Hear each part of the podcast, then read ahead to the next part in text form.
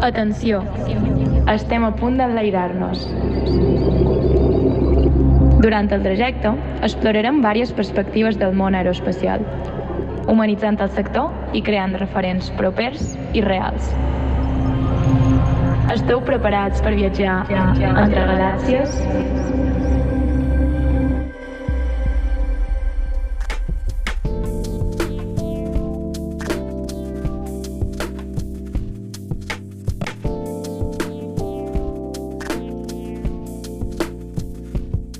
Hoy grabamos el primer podcast en castellano, porque nuestra invitada es Laura González Llamazares, una ingeniera aeroespacial que viene de León, aunque está viviendo en el Reino Unido, donde trabaja como Space Manufacturing Lead en Satellite Applications Catapult.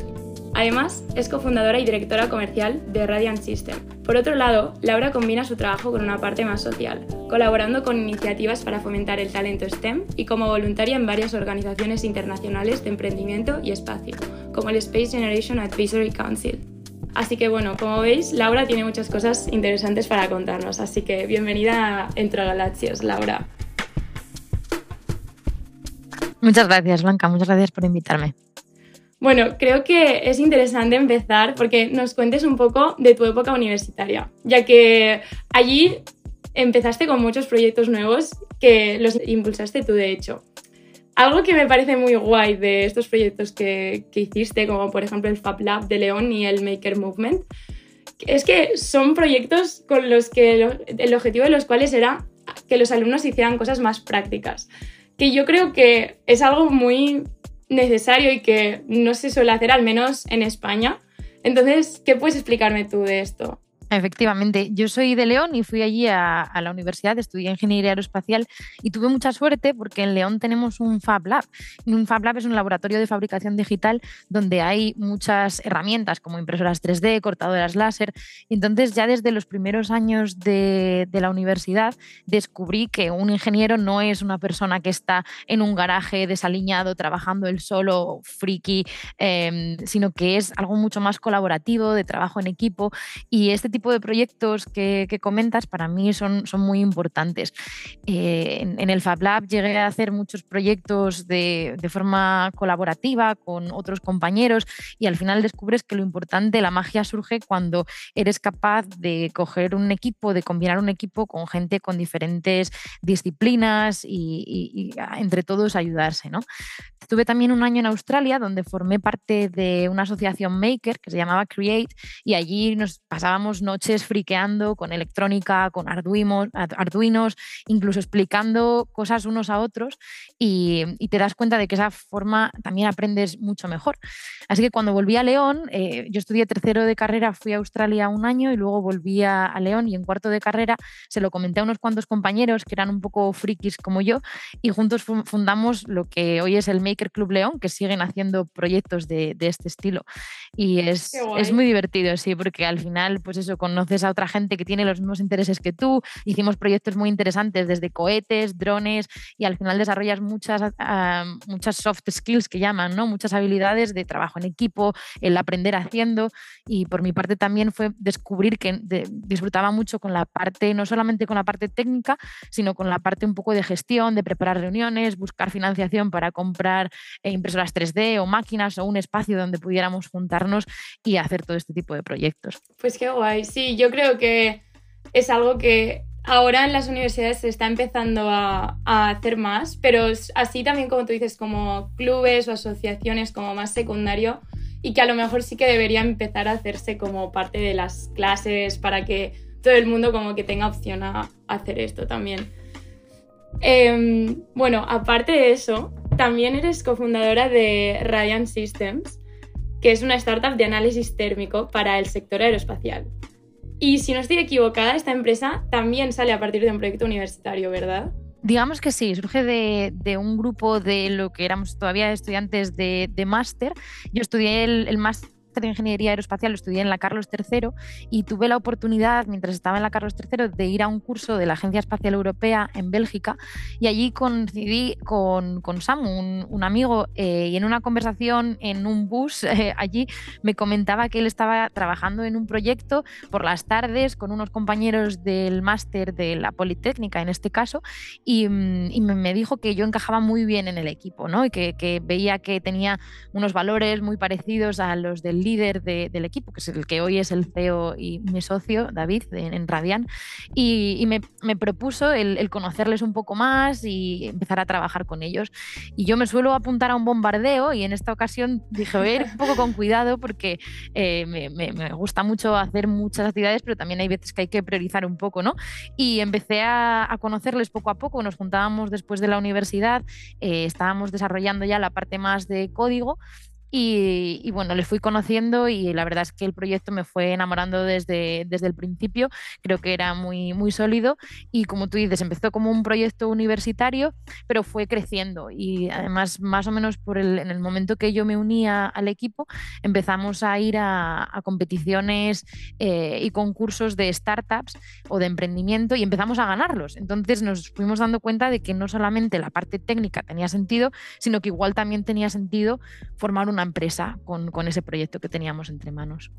¿Y cómo es el proceso de lanzarse a, montar una empresa a partir de tener un proyecto? Ya que tú dices que sí que a lo mejor ir a estos concursos os inspiró, supongo, a, a, poder decir que erais capaces de eso, pero ¿cómo es realmente el proceso de hacer eso? Exacto, pues sí, en mi caso fue gracias a, David, mi socio. Estábamos, como te comentaba, en el equipo éramos eh, unas cinco personas. Al final, por unas razones u otras, eh, muchos de nuestros compañeros, sobre todo por razones personales o que encontraban otros trabajos, decidieron dejar el proyecto y nos quedamos, eh, David, mi socio y yo, pensando, vale, tenemos una muy buena idea entre manos, hemos ganado estos concursos en los que para digamos, para conseguir el precio tenemos que incorporar la empresa y eh, es como, bueno, nos, apetece dar este paso adelante que también pues, lleva su riesgo y, es, digamos, para, gente atrevida y al final pues, pues decidimos ir para adelante y en, 2019 incorporamos la empresa y desde entonces llevamos trabajando em, pues, pues eso, en, en este proyecto juntos. Qué bien, qué bien, qué guay. Eh, bueno, ahora quiero entrar un poco más en la parte técnica de lo que es Radiant Systems, eh, porque he mirado vuestra web y me ha parecido muy guay, porque todo esto va de simulaciones y yo he estado trabajando un poco ya con simulaciones tanto térmicas como más CFD para turbomáquinas. Y es verdad que desde mi punto de vista lo que vosotros proponéis que es como utilizar un navegador web para hacer simulaciones mm, simulaciones grandes, eh, facilitaría muchas cosas, no tener que utilizar supercomputadores o cosas así que a veces son un poco más complicadas. Entonces, me gustaría que me expliques un poco más todo lo que no sea confidencial de cómo funciona Radiant. Claro, en Radiant Systems lo que hacemos es lo ofrecemos eh, software de análisis térmico ágil para misiones espaciales. Como sabes, en los últimos años ha habido una revolución eh, brutal en el sector espacial gracias a empresas como SpaceX y el, también los CubeSats y nanosatélites. Cada vez hay más empresas en el sector, incluso pequeñas empresas e incluso universidades que ahora pueden fabricar y lanzar sus propios satélites al espacio. Esto lo que ha hecho es, es cambiar mucho el paradigma. Ya no son solo los grandes gobiernos, las grandes multinacionales que pueden fabricar y lanzar satélites, sino que cualquiera puede lanzarlos. Entonces, los presupuestos y los tiempos de desarrollo de este tipo de satélites se han reducido mucho. Y nosotros en, asignaturas como asignaturas de análisis térmico para espacio eh, y bueno, explorando un poco, investigando este nuevo segmento del sector espacial, el New Space, nos dimos cuenta de que no había herramientas de análisis térmico que fueran adecuadas para estos tiempos de desarrollo más cortos y este nuevo, nuevo paradigma del sector espacial. Entonces decidimos desarrollar este, este software de análisis térmico, que como dices está basado en la nube, es el único software de análisis térmico que está basado en la nube y lo que pretendemos con él es que sea ágil, simple, muy intuitivo, que sea muy sencillo para, el usuario, para que lo puedan utilizar tanto eh, ingenieros térmicos, pero también ingenieros de sistemas, o incluso project managers si tienen algo de, experiencia y de, ingeniería. Permite al usuario tirar de una forma más rápida. Lo que tenemos es eh, un proceso de tres fases. En la primera fase se diseña el satélite eh, y se pone la configuración que tiene, pues con las diferentes baterías, si es un satélite de tres unidades, de seis unidades y cómo están hechos esos contactos entre las diferentes partes. En la segunda fase es donde se, determina cuál es la órbita, cuál es el escenario en el que va a estar ese satélite, si va a estar a 400 kilómetros de altitud o, la altitud que sea con la inclinación. Y ya en la siguiente, en la última fase, obtenemos los resultados de análisis térmico, o sea, que se obtienen las temperaturas a las que van a estar expuestas cada uno de los componentes del satélite en cada uno de los momentos de la órbita que se está simulando. Y esto es muy importante porque cuando tienes un satélite que está orbitando alrededor de la Tierra, si le está dando el sol está expuesto a cientos de grados centígrados, pero cuando está en eclipse son menos cientos de grados. Entonces, la electrónica del satélite es como la de nuestros teléfonos móviles, no está preparada para sufrir unos grandes gradientes de temperatura. Entonces, hay que predecirlo muy bien antes para poder diseñarlo y tomar algunas decisiones de diseño, ponerles diferentes pinturas o incluso algunos calentadores o algunos radiadores para disipar ese calor. Así que eso es un poco lo que, lo que hacemos en Radian. Intentamos simplificar al máximo ese proceso de análisis térmico que es tan importante en el diseño de un satélite. Claro, entonces lo que habéis hecho ha sido como llevar a, a, todas estas nuevas empresas o personas interesadas en el espacio, acercar los softwares de análisis para que, porque a veces los otros softwares que tenemos son demasiado complicados incluso para algunos ingenieros. Em, y además, por lo que dices, también la interfaz de usuario parece bastante sencilla. Porque a veces también no sabes mucho qué estás haciendo cuando estás analizando. Efectivamente, efectivamente. Sí, nos dimos cuenta de que se tardaban como tres, cuatro o cinco meses incluso en aprender a utilizar un software. Sí, sí. Y si ahora mismo se está desarrollando un satélite, las nuevas empresas del New Space están diseñando, fabricando y lanzando un satélite en uno o dos años. Entonces no puedes pasarte cinco o seis meses intentando aprender a utilizar un software si tienes que diseñarlo en, un año. Así que por eso es un poco lo que intentamos hacer es facilitarlo al máximo. Al final, todas las fórmulas, las ecuaciones de transferencia de calor son complejas, pero están en los libros, no estamos reinventando la física, eso, eso ya está, es simplemente hacerlo más accesible para los ingenieros y que no sea un proceso tan costoso. Claro, pues me parece súper interesante. Y a ver, ahora una pregunta que se me acaba de ocurrir ¿Hay algún satélite que ya haya utilizado, o sea, ¿se ha lanzado algún satélite que haya utilizado vuestro software? Sí, sí, sí. De hecho, se han lanzado ya 17 satélites desde que nos incorporamos en 2019. Se han lanzado 17 satélites al espacio ya con, nuestro software y estamos muy, muy orgullosos. Trabajamos con empresas como Fosa Systems, que es otra empresa española que hacen picosatélites, son satélites eh, más pequeños que, los CubeSats y ellos fueron uno de nuestros primeros partners, uno de nuestros eh, sí, primeros clientes también. empezamos con ellos de forma más colaborativa, digamos, y ya en 2019 lanzaron un un, satélite y pudimos comprobar también las temperaturas que las que nosotros habíamos predicho encajaban con las que ellos estaban eh, obteniendo en órbita. Entonces estamos de momento muy orgullosos porque todas las temperaturas que nosotros hemos predicho han sido luego las que se han demostrado en órbita y desde entonces unos 17 satélites trabajamos con otras empresas como el INTA en España, eh, también como Spire, que es una de las empresas más grandes de nanosatélites y poco a poco vamos trabajando con, con más empresas. Les ofrecemos tanto licencias para el software como también consultoría. Muchas veces ellos simplemente quieren un estudio de cuáles van a ser las temperaturas, nos dan sus, sus características de su satélite y nosotros hacemos esos cálculos para ellos. Ah, vale, vosotros, o sea, vosotros también tenéis a ingenieros que están haciendo cálculos para otras empresas. No solo vendéis el software, que digamos. Exactamente, sí. Ah, nuestra actividad principal sí que es el desarrollo del software y queremos hacerlo lo mejor posible, pero en ocasiones si necesitan algunos algo de ayuda más para otras necesidades también les apoyamos. Ah, pues qué bien, qué guay, me parece una idea muy, o sea, muy acertada y muy alineada con las necesidades del sector. Pero bueno, cambiando de tema, quiero pasar a hablar un poco de tu trabajo en Catapult. Me imagino que una Space Manufacturing Lead hace muchas cosas, pero especialmente tu trabajo tiene mucho que ver con las tecnologías de impresión 3D que se usan para aplicaciones espaciales. Entonces, ¿qué tiene la impresión 3D que hace que sea tan interesante cuando pensamos en satélites, por ejemplo? La impresión 3D permite una gran flexibilidad. Realmente cuando empezó se pensaba mucho en el prototipado rápido, ¿no? En diseñar algo rápidamente para poder testearlo. Pero hoy en día ya ha ido mucho más de, ahí, ya no es solamente como para prototipos, sino que se utiliza también, como tú dices, para, aplicaciones espaciales, para fabricar piezas de satélites. Eh, las principales características es que puedes hacer las estructuras mucho más ligeras porque no tienen que ser mecanizadas, sino que se pueden optimizar topológicamente, que llamamos, para que tengan solamente la estructura necesaria por donde van a ir las fuerzas en, diferentes piezas. Entonces se puede diseñar para, para que sea lo mínimo que se necesita para lanzar. Entonces, la parte de, la ligereza es una de ellas, pero luego también te permite hacer eh, estructuras muy complejas que no se podían realizar antes.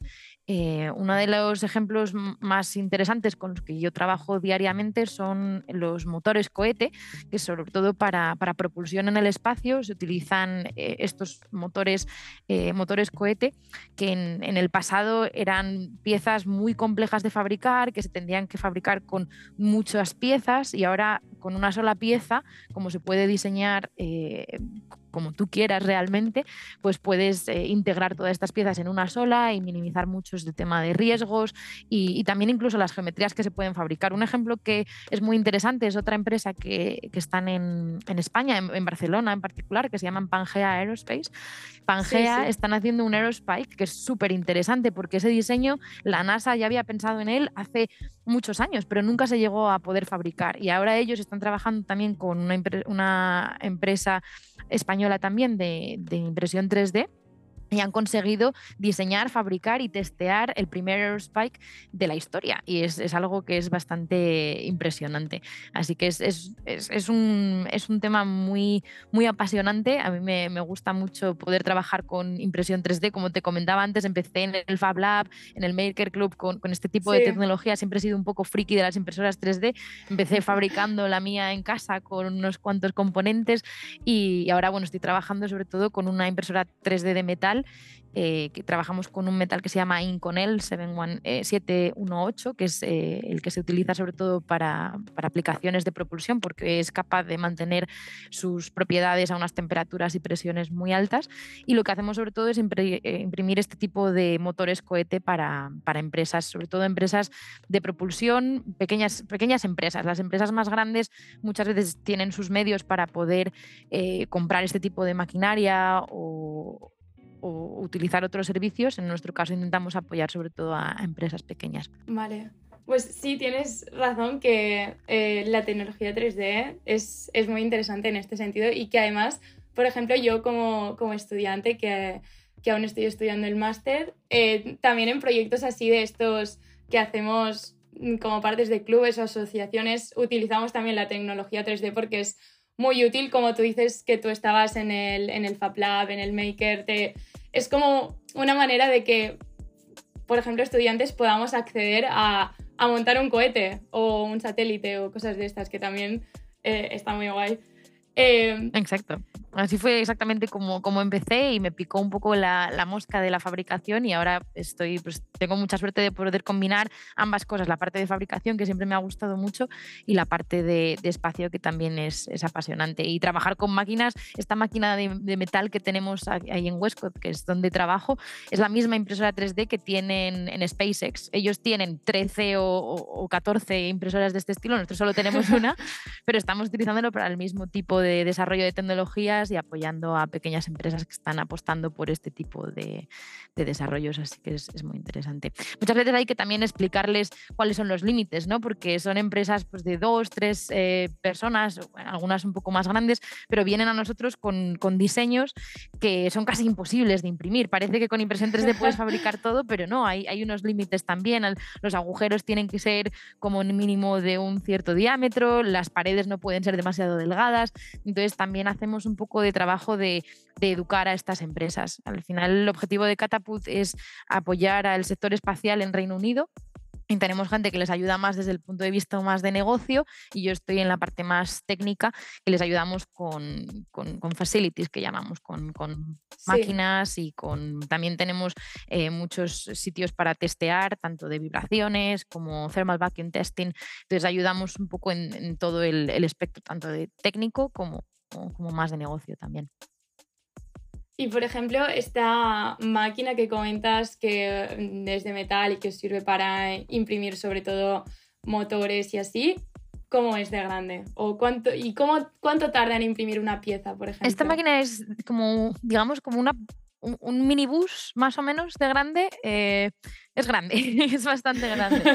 Y, bueno, lo interesante también de esta máquina en particular es que es modular. Entonces ahora mismo tenemos tres módulos, el de control, otro que es el core, que es donde se fabrican las piezas, y otro que es el, los láseres que, van arriba.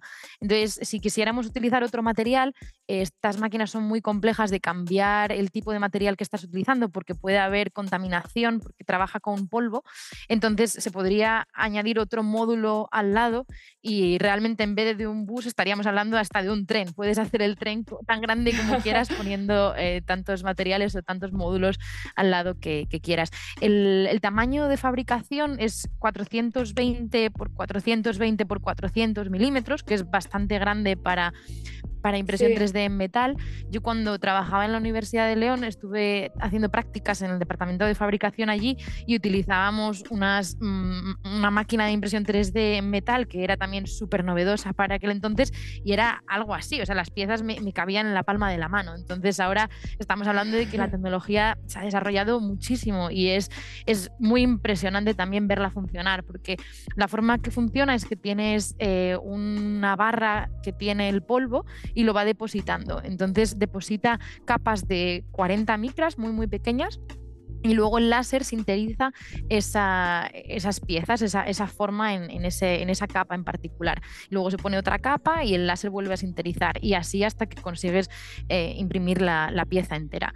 Y es, eh, es, bastante bonito de ver también cómo, cómo, el láser va haciendo todas las piezas y luego se extrae ese polvo para poder reutilizarlo mm, más adelante es, un proceso muy interesante. Hay muchos tipos de impresión 3D. Nosotros también tenemos otras impresoras de plástico, de resina, pero bueno, la, la más utilizada, digamos, para aplicaciones espaciales es, esta de metal. También es la más cara de utilizar, solamente... Eh, claro, me imagino. Ella, Me preguntabas antes, perdona, por el, por el tiempo que puede tardar. Nosotros hemos hecho impresiones de un día para piezas pequeñas, pero la impresión más larga que he hecho es de 20 días. Entonces, cuando estás en el día... Solo para una pieza. Bueno, para varias piezas. Claro, no mm. puedes Vale, o sea, ¿puedes utilizar la impresora para más de una pieza a la vez? O Depende del tamaño de la ah, pieza, sí, sí que se puede, sí. Se, las piezas acaban fundidas, sinterizadas en el, en el plato en el que van, como si fuera la, la, base, y luego tienes que quitarlo con, utilizamos una máquina que se llama Wire ADM, que es una, una cortadora de hilo, digamos, y, y, con eso se quitan de ahí. Entonces puedes llenar ese plato de la, todas las piezas que quieras. Entonces hay veces que lo que intentamos hacer es que las empresas pequeñas nos manden las piezas que quieran hacer y las ponemos todas en la misma impresión para poder reducir los costes, porque solamente encender o hacer funcionar la máquina o, empezar uno de estos proyectos ya cuesta miles de, libras, entonces es algo bastante costoso. Y, ya me imagino. Sí, y cuando llegas al día, si es una impresión, por ejemplo, de 20 días, hemos hecho una impresión de una pieza de 20 días y el día 19 estás cruzando los dedos que no falle ahora, porque si falla, claro, es un montón de dinero que, que, también se pierde. Y, y, bueno, es sobre todo las primeras veces que, trabajas con, con, esta máquina. Yo he tenido la suerte de estar ahí desde que se compró, con todo el proceso de, de, compra, que también tiene su complejidad y demás, y toda la instalación también. Y las primeras veces que le das al play para, para empezar alguno de estos trabajos, pues hay muchos nervios y, y mucho cruzar los dedos y esperar que hicieras todos los pasos necesarios bien, porque si no, pues eh, puedes eso, perder mucho dinero, pero como todo también tienes que probar y es eh, igual que las empresas de plástico, el learn by doing, el aprender haciendo, es lo mismo, hay, que hacerlo y hay que atreverse, así que... Al final eso es ser ingeniero, ¿no? probar Exacto. y... Exacto, y se va aprendiendo. Sí, y además me imagino eso que dices de que hay riesgo de perder dinero, pero si no se utilizara la tecnología 3D, sería mucho más. Exacto, sí, sí, sí, sí. Al final acabas ahorrando mucho y, también tener una máquina de este estilo eh, parada es, eh, es vamos, es, muy malo. Hay que tenerla siempre funcionando al máximo, así que intentamos sacarle la mayor utilización posible, sí. Claro, pensando también en el espacio, la impresión 3D también nos permitiría lo que se conoce como In situ resources utilization, que es fabricar cosas con los propios materiales que encontramos en el espacio. O sea, ¿cómo se implementaría eso? Y a ver si tú estás ahí metida también con ese tema. Exacto, sí, es algo que me parece fascinante, es, muy interesante. Por ejemplo, cuando vayamos a la Luna o a Marte, las casas, los hábitats que habrá allí se, se harán utilizando el material que encontremos, lo que se llama el regolito, la tierra lunar o marciana. Utilizaremos probablemente el agua que encontremos allí como propulsante o para poder vivir y, y esto es algo que es eh, muy interesante. Nosotros en Catapult lo que mi equipo trabaja es sobre todo, eh, digamos, la parte de fabricación en la Tierra para el espacio, pero también la parte de fabricación en el espacio, tanto para el espacio como para la Tierra.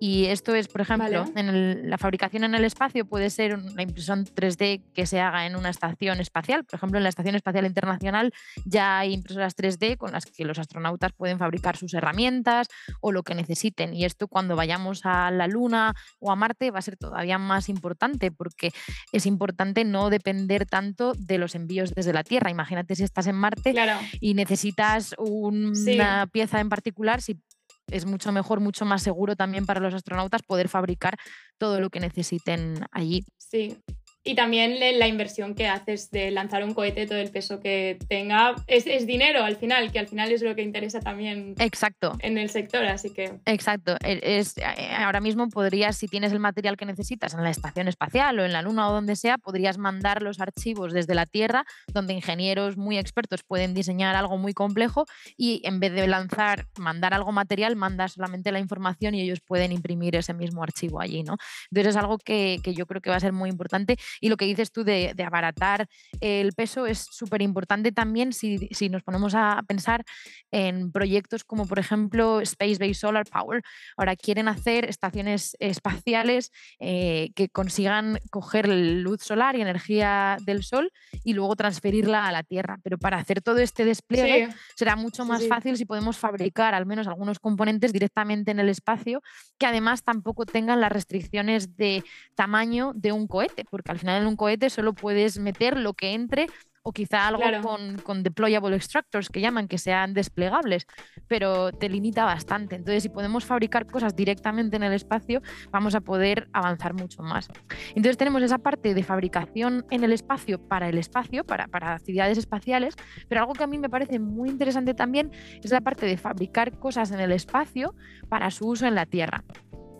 Y es que ahora se está descubriendo que si eh, utilizamos el, entorno espacial, hay ciertos materiales y ciertas células del cuerpo, por ejemplo, que se pueden fabricar, se pueden producir en el espacio con mucha mejor cualidad eh, calidad perdón, que la que se produce en la Tierra. Y esto es, es fascinante porque al final estamos utilizando otro, eh, otro laboratorio, ¿no? En este caso, en vez de ser un laboratorio en, Tierra, pues es un laboratorio que es una estación espacial que está dando vueltas a la Tierra, porque ahí tenemos microgravedad, hay eh, el vacío también, hay muchas condiciones que permiten que algunos procesos sean mejores. Por ejemplo, ciertos materiales nuevos o, como te decía, las células, por ejemplo, si se crecen en la Tierra por la gravedad tienden a apelmazarse, a, no crecer en todas direcciones, pero en el espacio pueden crecer de forma homogénea. Y lo mismo los cristales o proteínas, hay, ciertas eh, sustancias que crecen mejor en el espacio. Y esto es algo que hay algunas empresas que están empezando a,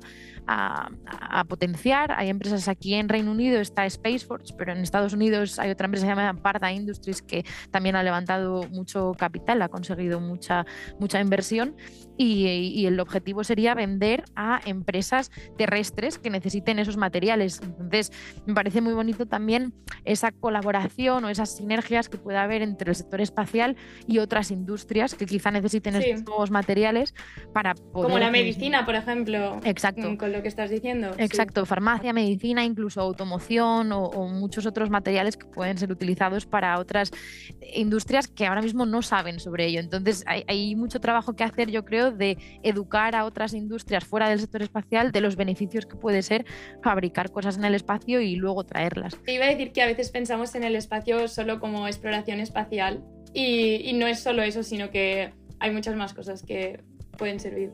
Exacto, lo más interesante son esos beneficios que tenemos luego en, la sociedad, el impacto que tiene el espacio en el día a día, que mucha gente no se da cuenta, pero estamos continuamente utilizando datos del espacio. Eh, todos los días es, es, muy, muy importante. Y con este tipo de desarrollos, físicamente podríamos utilizar productos que estén hechos en el espacio en, nuestro día a día. Qué bien. Pues bueno, em, entre todos estos proyectos que me, has contado ya, también quiero conocer a la Laura más humana, por decirlo de alguna manera que es cómo, cómo, gestionas poder hacer todo esto y seguir estando motivada para... porque claro, todos estos proyectos implican que, te apetezca hacerlos y después además tener tiempo para ti, para tu vida personal. Sí, realmente yo creo que tengo la suerte de trabajar en proyectos que me apasionan, con equipos muy buenos, entonces realmente incluso mi, mi vida profesional me motiva mucho, me, gusta mucho en lo que trabajo. Yo creo que esa es la forma de, mantener esa motivación y, mi vida profesional y personal también están bastante ligadas. En mi tiempo libre hago muchos otros proyectos de, espacio también, pero disfruto mucho con, ello. Y, por ejemplo, como voluntaria en SJC, eh, también con otros proyectos, tanto mi pareja como yo, como muchos de nuestros amigos, son un poco frikis. Y, por ejemplo, el verano pasado lanzamos un globo al, al borde del espacio con construimos antenas para descargar fotos de satélites. Bueno, somos un poco frikis. luego en la parte más normal, digamos, pues me gusta mucho viajar. Eh, últimamente estoy saliendo a correr y, bueno, intento tener ese balance. Como dices, es, importante el balance de, de vida y, y, también trabajo, pero para mí están bastante, bastante ligados. Últimamente estoy madrugando para salir a correr y eso me está funcionando porque la gestión del tiempo es importante cuando haces tantas cosas. Entonces, madrugando he descubierto que hay un poco más de tiempo y además más útil porque no hay tanta gente interactuando contigo, ¿no? Entonces ir a correr a las 7 de la mañana viene muy bien, luego ya... No te distraes. Eso es, sí, sí, sí. Claro, o sea, al final es convertir, o sea, que tu trabajo no se sienta como un trabajo, sino que también puedas sientas que estás viviendo, no que estás trabajando. Exacto, y si algún día hay que trabajar un poco más para conseguir objetivos, no me siento que sea una esclava, sino que estoy también aprendiendo, disfrutando y es un, balance. Tengo mucha suerte tanto con Catapult como con Radian, porque ambos son trabajos muy flexibles y trabajo en equipos con, mucha confianza, entonces todos nos apoyamos mucho y también buscas un poco eh, el, ayudar al otro, ¿no? Y oye, que ayer hiciste muchas horas, pues vete un poco antes o intenta intentar encontrar también ese, ese, balance que es importante. No, y que si al final son proyectos que, que te entusiasman, tú también querrás que, que, salgan bien y estarás como motivada porque funcione. No es como, no sé, que tengas a, a, un superior que te esté diciendo tienes que hacer esto, sino que tú misma te dices tengo que hacer esto porque quiero que salga bien exacto. este proyecto. Exacto, exacto. Eso es. Y como mujer en el mundo de la ingeniería y también en el mundo de, los negocios, ¿has sentido alguna vez que era más difícil? ¿O has tenido, porque, por ejemplo, para mí ha sido muy difícil o aún es encontrar a mujeres referentes en el mundo de, la ingeniería? Y me gustaría saber, a ver si tú que ya eh, tienes una carrera más hecha y estás haciendo muchas cosas, ¿has, has tenido alguna mujer referente que te haya motivado a hacer todo esto? Sí, em, em, personalmente mi carrera tanto académica como profesional, nunca he tenido ninguna situación injusta o complicada por ser mujer. Siempre he tenido la suerte de trabajar con grandes profesionales y, personas que me han valorado mucho por mi trabajo a nivel personal sí que es cierto que sufro un poco del síndrome del impostor y falta de confianza que muchas mujeres tenemos y que creo que tenemos que seguir trabajando día a día. Sí. Pero bueno, es, sí, es algo que creo que podemos trabajar poco a poco. Y por parte de referentes, eh, yo creo que para mí una gran referente es mi madre, su dedicación y cariño y mis abuelas. Mis abuelas son ambas súper grandes luchadoras, no lo tuvieron nada fácil y han trabajado muy duro para darnos oportunidades. Es cierto que en mi familia familia no había muchos ingenieros, aunque mi padre sí que tiene un poco de, mentalidad de ingeniería y ahora que se ha jubilado se ha puesto a estudiar, es un crack. Em, pero yo diría que, no, no, ha habido una gran referente cercana ingeniera eh, en mi familia o en mi vida, simplemente ha sido la sensación de que yo podía hacer lo que yo quisiera y si me apetecía estudiar ingeniería, pues podía hacerlo. ¿Por qué no? Nunca he visto grandes barreras. Y luego, en, función de mujeres referentes, pues por ejemplo, Valentina Tereskova sería ¿no? la astronauta soviética, sí. que, sí que me inspira mucho. Pero es, es más esa sensación de, de, libertad, de poder elegir lo que, yo, lo que yo quisiera. Claro, y que además si dices, em, como comentas de que has tenido la suerte de trabajar en, en, muy buenos equipos y buenos ambientes, supongo que eso también te motiva a querer dar un paso más o seguir adelante en, la carrera, aunque a veces, como dices, te puedas sentir un poco impostora con lo que estás haciendo. Yo creo que, es importante. Em, bueno, no podemos irnos sin hablar de tu participación en el Space Generation Advisory Council. Creo que es bastante parecido a lo que hacemos a lo mejor aquí en Women in Aerospace, porque al final se trata de crear pues, una comunidad entre jóvenes del sector aeroespacial, ¿no? A ver si tú puedes contarme un poco más de esto. Exacto. SGAC o SGAC o Space Generation Advisory Council, que se conoce como eh, muchos nombres, es la mayor red global de estudiantes y jóvenes profesionales del sector espacial. Normalmente entre 18 y 35 años y son gente de todo tipo de, disciplinas. Hay gente que estudia ingeniería, pero también hay mucha gente que está en la parte más de política o de derecho.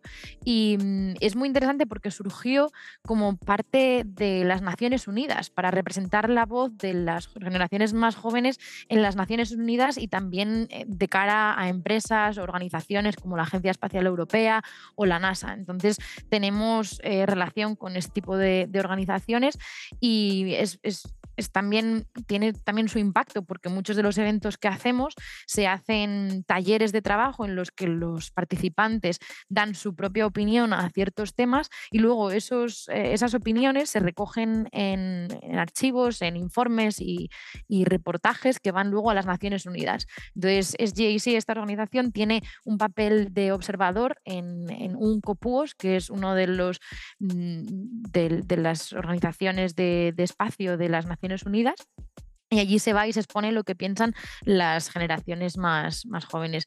Yo he tenido la suerte de ser event manager de uno de los eventos europeos y es, eh, es, muy enriquecedor trabajar con gente voluntarios de toda Europa o de todo el mundo y, también pues aprender mucho en, el camino. También he estado apoyando varios eventos locales, los que llamamos el SG Spain, que el próximo, por cierto, será en noviembre en Barcelona, así que tenemos que vale, avisar a la gente. Sí, y también soy National Point of Contact de España. Entonces, además de apoyar a estos eventos eh, más regionales, también apoyamos otras iniciativas para fortalecer la comunidad. Estamos haciendo últimamente eventos informales de networking que se están organizando en Madrid y Barcelona y esperamos que en otras ciudades pronto. Y hacemos también una newsletter cuatrimestral para un poco fortalecer esta comunidad, como tú decías, que al final cuando creas estas conexiones es cuando de verdad se fortalece la industria. Yo creo que es, es una parte muy, muy importante. Pues, pues qué bien, sí, creo que, creo que es muy importante lo que dices y, y que es una muy buena iniciativa al final porque también puedes encontrar esto que hablábamos de la motivación o de que a lo mejor puedes encontrar otros proyectos, tú estás en una rama del sector aeroespacial y puedes darte cuenta de que hay otras cosas dentro del mismo sector que también te gustan con todos estos proyectos que hay, entonces Exactamente, es que puedes encontrar tu próximo socio de tu próxima empresa, el cliente de, la próxima o un, proyecto. Realmente nunca sabes de, dónde van a surgir las oportunidades, ¿no? Y estos eventos suelen congregar a gente muy apasionada del sector que está haciendo proyectos súper interesantes y para mí son también un, chute de energía. Yo voy a este tipo de eventos y la verdad es que me inspiro muchísimo y, me parece muy interesante lo que hace todo el mundo. Así que son, son, son eventos o, asociaciones con las que creo que, que es, está muy bien ser, ser, parte. Igual que en el SSA, ¿verdad? Que fue donde nos conocimos, el Space sí. Educational Activities, pues todo este tipo de eventos siempre te motiva, te inspira mucho, sí. Sí, yo me acuerdo que, que fueron cuatro días muy intensos que luego estaba muy cansada, pero que lo que me llevé de inspiración no era, no era comparable a, a, nada que hubiera vivido antes, porque fue como mi primer evento de estos y, y sí que si vosotros impulsáis cosas de este tipo, como mm, divulgar, no solo divulgar, sino también como compartir conocimiento o networking, simplemente mm, conectar a gente del sector con tus mismos intereses. Es, está muy bien y, y, creo que es muy importante, sí. Eso se hacen eventos tanto a nivel nacional, esto es SG Spain, hay otro que es el SG France, eh, también lo hay en, en, Alemania y en otras ciudades de Europa y del mundo, y luego hay eventos a nivel europeo, como el que organicé, que tuvimos que pasarlo a online, y también a nivel mundial. Siempre que se hace un IAC, el International Astronautical Congress, ah, junto a él hay otro evento de Space Generation a nivel mundial. Entonces conoces a gente y trabajas con gente eh, de, todo el mundo. Por ejemplo, yo estuve trabajando mucho con eh, el que fue el tesorero de SGAC, que era un software engineer de SpaceX. Entonces, cuando fui de visita a Los Ángeles hace el verano pasado, le comenté, oye, estoy por aquí y tal, y estuvimos cenando y estás, ¿sabes? Al final conectas con gente, pues eso, de, todas partes del mundo que están trabajando en proyectos muy interesantes y en empresas muy, muy interesantes. Qué guay, qué guay, sí. Y aparte de todo esto que dices de conectar y tal, ¿tú qué, crees que te ha aportado algo más ser, ser parte del SGAC? Sí, para mí sobre todo es el tema de las amistades y los contactos, creo que eso es lo más importante, porque me ha dado oportunidad de conocer a gente interesantísima de todas partes del mundo.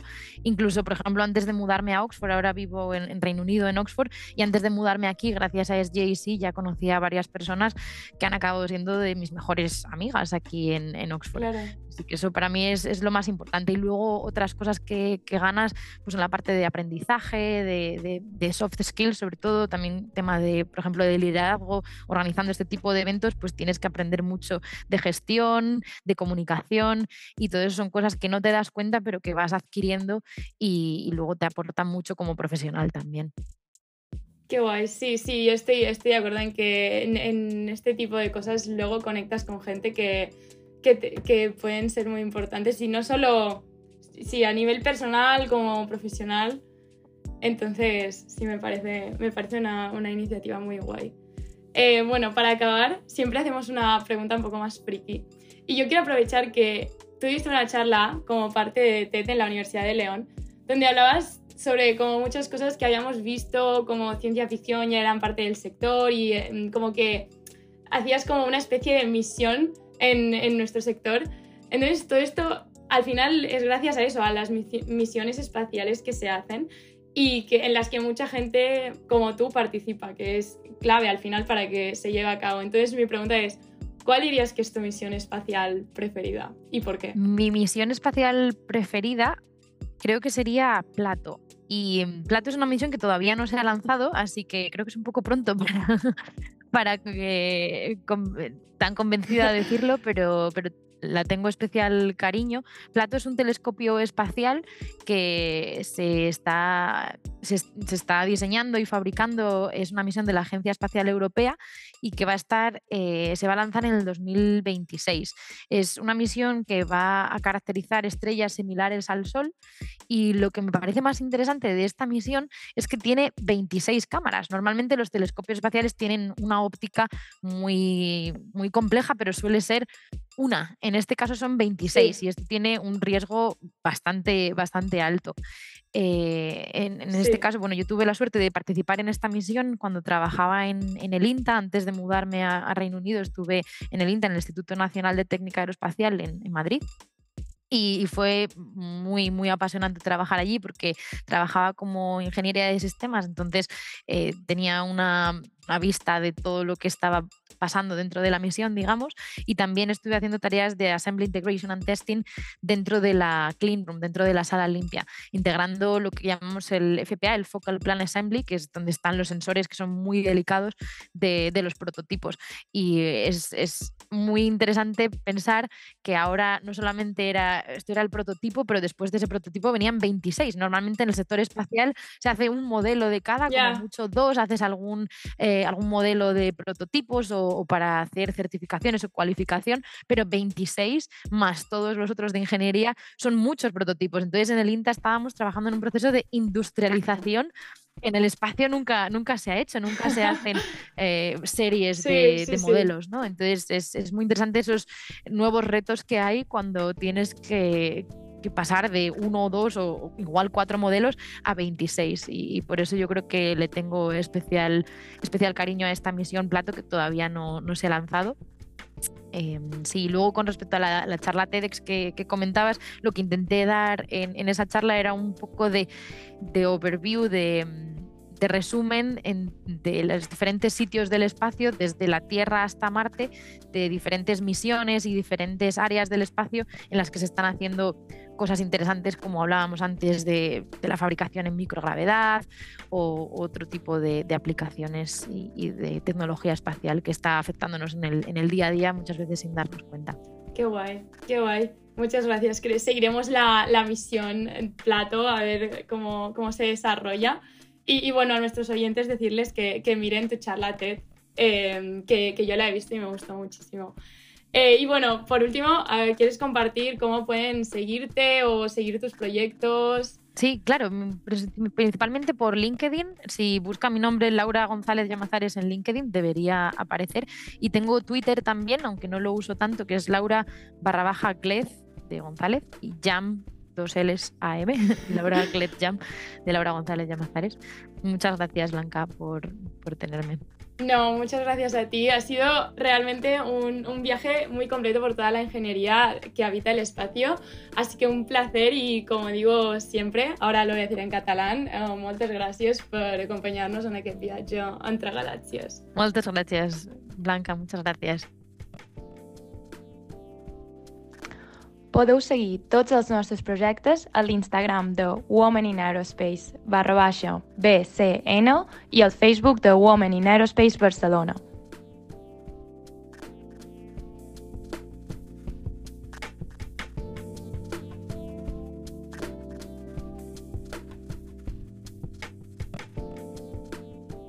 Entre Galàxies, un podcast de Women in Aerospace Europe, Barcelona.